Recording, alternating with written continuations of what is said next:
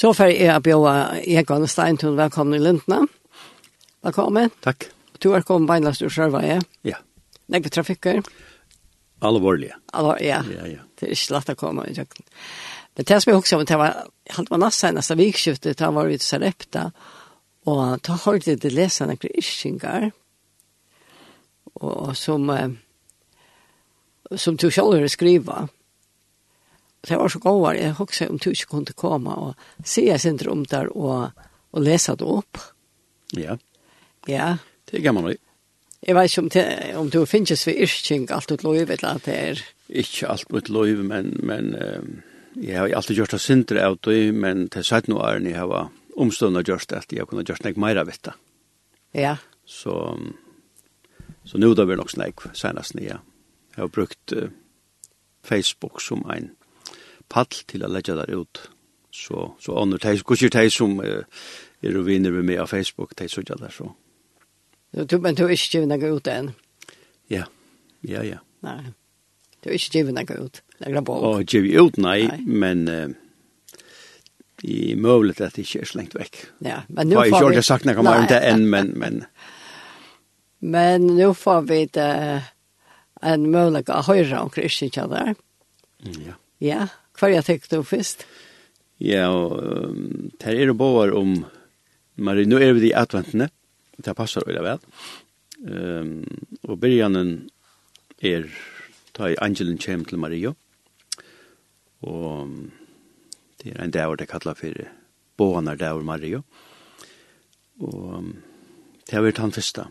Han sattna er eisen i Maria, men uh, det er meira at hitje at hvor Maria vær og hvor jeg hva det innebær for henne av bløyva mamma Jesus. Det var en oppgave som ikke luktes nærkere i ærer, som, som vi vet om, altså, er, er oppgave. Ja. Um, kan du se, jeg synes, hva du givet er skjelen og plaster til å skrive, sir? Ja, det kan jeg.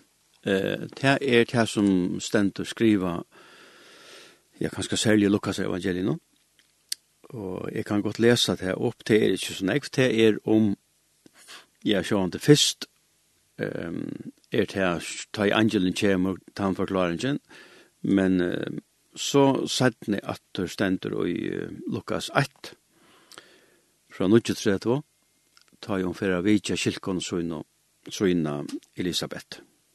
Og her stender så leis, men og i hesson døvum før Maria av sted, og ferreist skundeslega til fjallabygdene til eina bygd og i Judeo.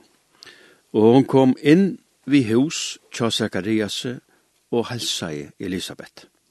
Og det var så at uitui Elisabeth hørte helsan Mario, ta spalte boreren og i møverløv i hennara. Og Elisabeth fylltist av hinnon i anda. Og hon råpai vi herare rødd og sier, valsigna er til av kvinnon, og valsigna er frukt mauerlustens. Og kveian i hender hetta med at mauer herramunds kjemur av mun fund. Tui sui, ui tui at ljaui av halsan tuini kom er i øyro, ta spalte boreren av frøye ui maurløyve munnen. Og sel er hon som troe, tui at jeg skal genge ut som tala, som er tala av herranun til hennara. Og Maria sier, hot seter salmoin herran, og frøtse hever andemoin og i gode frelsara moinon, tog at han hever hukt til løytes vire tænast og kvinnesøynar, tog søy fra hese stund mun og allar atter sæla med prøysa. Tog at størverk hever han med gjørst hin alvaldi og heilat er navn hans. Det er en helt utrolig henting, eller hva man skal si etter han. Ja, hun er øyelig kjølsom, ja. og ja, hun er så kjølsom at det er bare en til av henne. Ja. Og, og, og det som, som er som ofta räkar med att i läsi till ett här som stendur att ehm tog att tog sui det stendur i örn i 84 satten helt tog sui fra hese stund mono allar atter sæla med prysa og jeg har ofta hoksa om det om vit uppfylla hata örendi her her heima. Tan tan tan tan pastren av vingarna som vidare pastor av tan protestantiske pastoren om vit gera det som her stendur om vi prøysa henne sæla som vær spesiell. Eh hon var mamma Jesus det vil si hon var mamma Guds. Ja. Og det er altså ikke hva som helst som er det Samstundet som hun var en vanlig menneske. Ja samstundes var en vanlig menneske og tog jeg at uh, til eisne nå du ikke lyst til om til Angen kom til Marie. Ja, nettopp. Ja, hun var blei ung. Ja, hun var blei ung, og, og til, til rødder fremme om jeg har ikke kannet til selv. At hun kanskje var en tannåringer, altså. En stor ja. tannåringer, og, og hun var av fatakast og falkon, og hun var ikke gift, og det var en katastrofe. Ja. Og, og, og, og for jeg ser det bare ikke ut, så hei hon fotla kjøtt og av som omberingen som vi tjekkast om i samband med fostertøk og i det. Hva du skal godkjenne eller blastempla en av fostertøk og i det. Ja. Hon har fått la kjøtt av timen, og hon sier, være mer etter vilja tøyne. Det er ikke fantastisk å si det, ja. Stendt her, og fire røyka. Fullkomlig og fire reika, ja. Men, men det er sånn grunn at hun akkurat utvalgt, ja? Ja, det, det må man så si at uh, og og ta ta i istjuman så skrivi så se at til som er funnu nøye vald av Herrans røye. Ja. Så hon er ikke valta sjølv. Hon er ikke valta lat okkum høyrra henne. God god hei valta henne og ut ja. Ja. Ja. Boan Maria. Heil to Maria, jomfru von. To veri vi baden og skal eia son. To som hevur funnu nøye vald av Herrans røye. Mer ongen meavur hever veri nær, hvordan skal jeg vite at jeg var til svær, en samøll under døgnon, mer veri etter året tøgnon. Og ung, og ung, bærs jenta enn, og ung er fåast vi vaksna menn, hva færa det jeg sier bøgnon, mer veri etter året tøgnon. Og avgift i eret hans største bøye, hvorfor jeg vilja veita mer nøye, kanska bæra færen og skøynon, mer veri etter året tøgnon og sånne moin vera skal støster av ötlun, flottur djøgnum med, ur himmasins høtlun, nu skilji onki vi vite moinun, mer vere etter året tøynum. Mm. Og fatak er Guds son at bæra, og fatak at jeg kan leta seg gjera. Han kjemur ur høtlun føynun, mer vere etter året tøynum. Og heila i anden iver me skal skugga, men tægje vi vite noen ongan ukka men god må gjere etter vite søgnom, mer vere etter året tøgnom. Og Josef, som hjarta mot elska mann, gosse vi hånden, hva sier man han? Hva kan han vilja og skilja av strøgnom? Mer vere etter året tøgnom. Og Jesus var føtter av Marie og Møy, som gav noe løyve, så han fikk døy. Tjekk løyengar ved under svaren på innan, alt vær etter året på. Ja. Ja, det var andan, ja. Men det er etter året tøynen, ja. Og det er jo det som er bå fra flere ferie skriftene, lenge tøyer fram og undan, etter for å hente, etter året tøynen. Og det hendte så etter året tøynen, ja. Det hendte etter året tøynen, ja.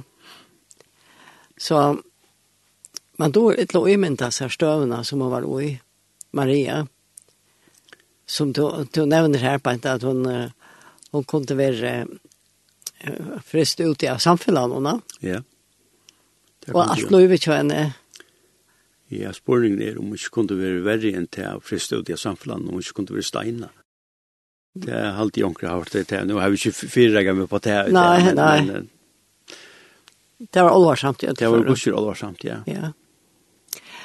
Så jeg kan helt og bestemt hin, den settene som du hever, ja. det er mer om løyve til henne, og fylkjene av tog, det kan man si, ha? Ja, det var så løs at ja, jeg var ferdig til sånger, og det mål og immer her, her i hoksa jo Marie, hva det innebærer til henne. Hette var, hette var, hun var så ung, ta hun sier i verden med etter året tog innom, og, og faktisk um, jotta i at avtaka seg en oppgave som hun ångan chans hei at uimynda seg gust det for å være de årene som kommer. Men uh, hva blei hun så til, altså hva, uh, hva gav til henne? Og i løyvene, jeg bløyva mamma Jesus. Ja. Og i åren og som kom, og teimen, tror jeg tredje åren. Ja, leta knøyra. Ja, hon eide bare Maria. Gentan som vald var at vera, mauer og frelsar a bera. Hon, som ei visti av manne, bær løsn oppa senta banne hva kan du enn okkun sia, modgen Maria? Tro lova Josef er smie, hva om i alt honom sie, valdi hon ikkje at likva, hauast han eimonde tryggva, hva kan du enn okkun sia, kvinnan Maria? Fekk hon forfylking a kjenna, tei undan kongen hon renna, av banspore var hon utlikva, flutjar til utlanda byggva. Hva kan du enn okkun sia, fløtten Maria? Eulon så godgjøvna dronjen, leipand i himna konjen, og i olvara og i gleime, hiten og i tarra heime. Hva kanst du enn okkon sia, høsmauer Maria? Punt av sorg og knosse, knust under ønskapar krosse. Kærleidje hennar av myrtur, emliga veran han syrtur. Hva kanst du enn okkon sia, mamman Maria? Reis ur deian og svarta, glitrar nu glæman bjarsta, gleien og i marri og hjarta, alt og i man heimen skarsta. Hva kanst du enn okkon sia, Guds mauer, Maria. Satta just oppgave tøyna, som ema sattast vi møyna. Guds er megin og løtan, om torgongt og kvass er gøtan. Tæman du enn okkon sia, Guds badne, Maria. Ja, virkelig godt. Her er øyne nekva syre av henne løybe. Ja, det er Det er ikke värre bare bare, altså. Nei, jeg husker ju om til en mamma ha. Ja. Så hun sa, jag så tror jeg att jo är när var den hun sa, eisen hon kunde Jesus grötte och jag åtte följt Ja. Men hun var eisen ut ved krossen. Ja, jeg husker jo ofte akkurat om det. Ja. Jeg har, jeg har så ångat just om det, men, men det er en øyelig sterk glöta alltid. jeg tar jo stendet ved krossen. Ja ja. vi, vi krossens fot, altså her pja honkur sonren. Så ett la vi færre. Ja, og hun vet at det er ikke vever ut, han døyer. Ja. Om nekra timmar så døyer han. Ja. Og hun hikker etter hverje løte med en sonren døyer. Ja. Her står flere kvinner. Ja, der står flere. Ja. Og Johannes. Og Johannes, var vet. Ja. Ja. Kvinna her, soner tøyen. Ja Og her er Mauertøyen. Og her er Mauertøyen. Ja. Og fra Tarre Lotta til Hågan hjem til Søyen. Det gjør det, ja. Her var ikke sosialer miler som kom til å takke seg av folk. Nei. Så, så, ja. løst, så løste han til oppgavene med, med en hekk her. Da, da også er det om Mauertøyen nesten. Ja, ja. ja. Jeg var jeg alltid er for jeg takker deg for at du kom til i dag. Ja, det var gammel. nøy. Og jeg ikke at jeg går en tur hjemme til deg. Jo, takk.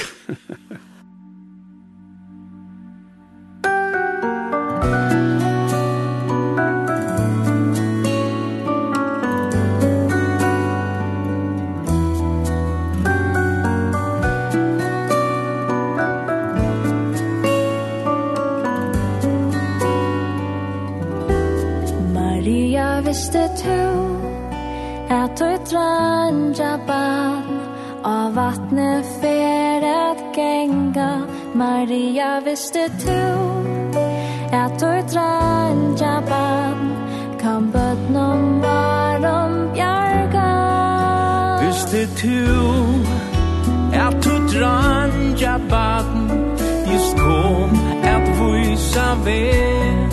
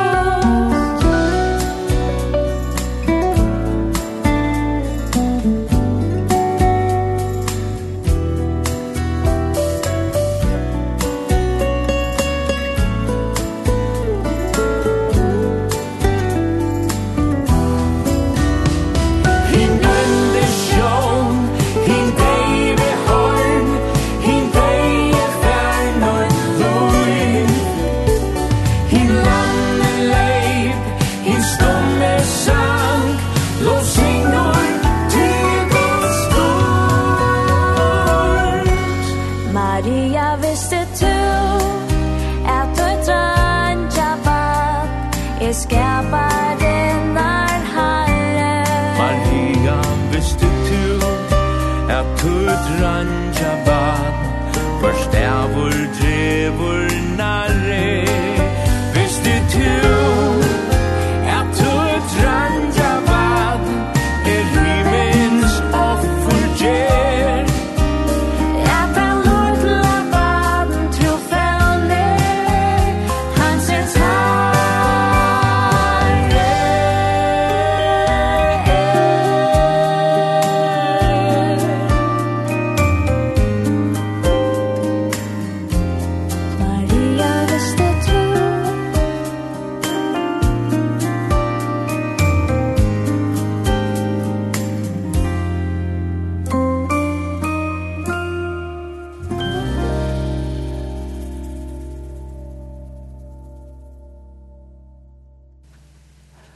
at han har vi tar hørst i Ekva Steintun, så hørte vi Sanje Maria, hvis tog vi Johanne og Heina Lutzen,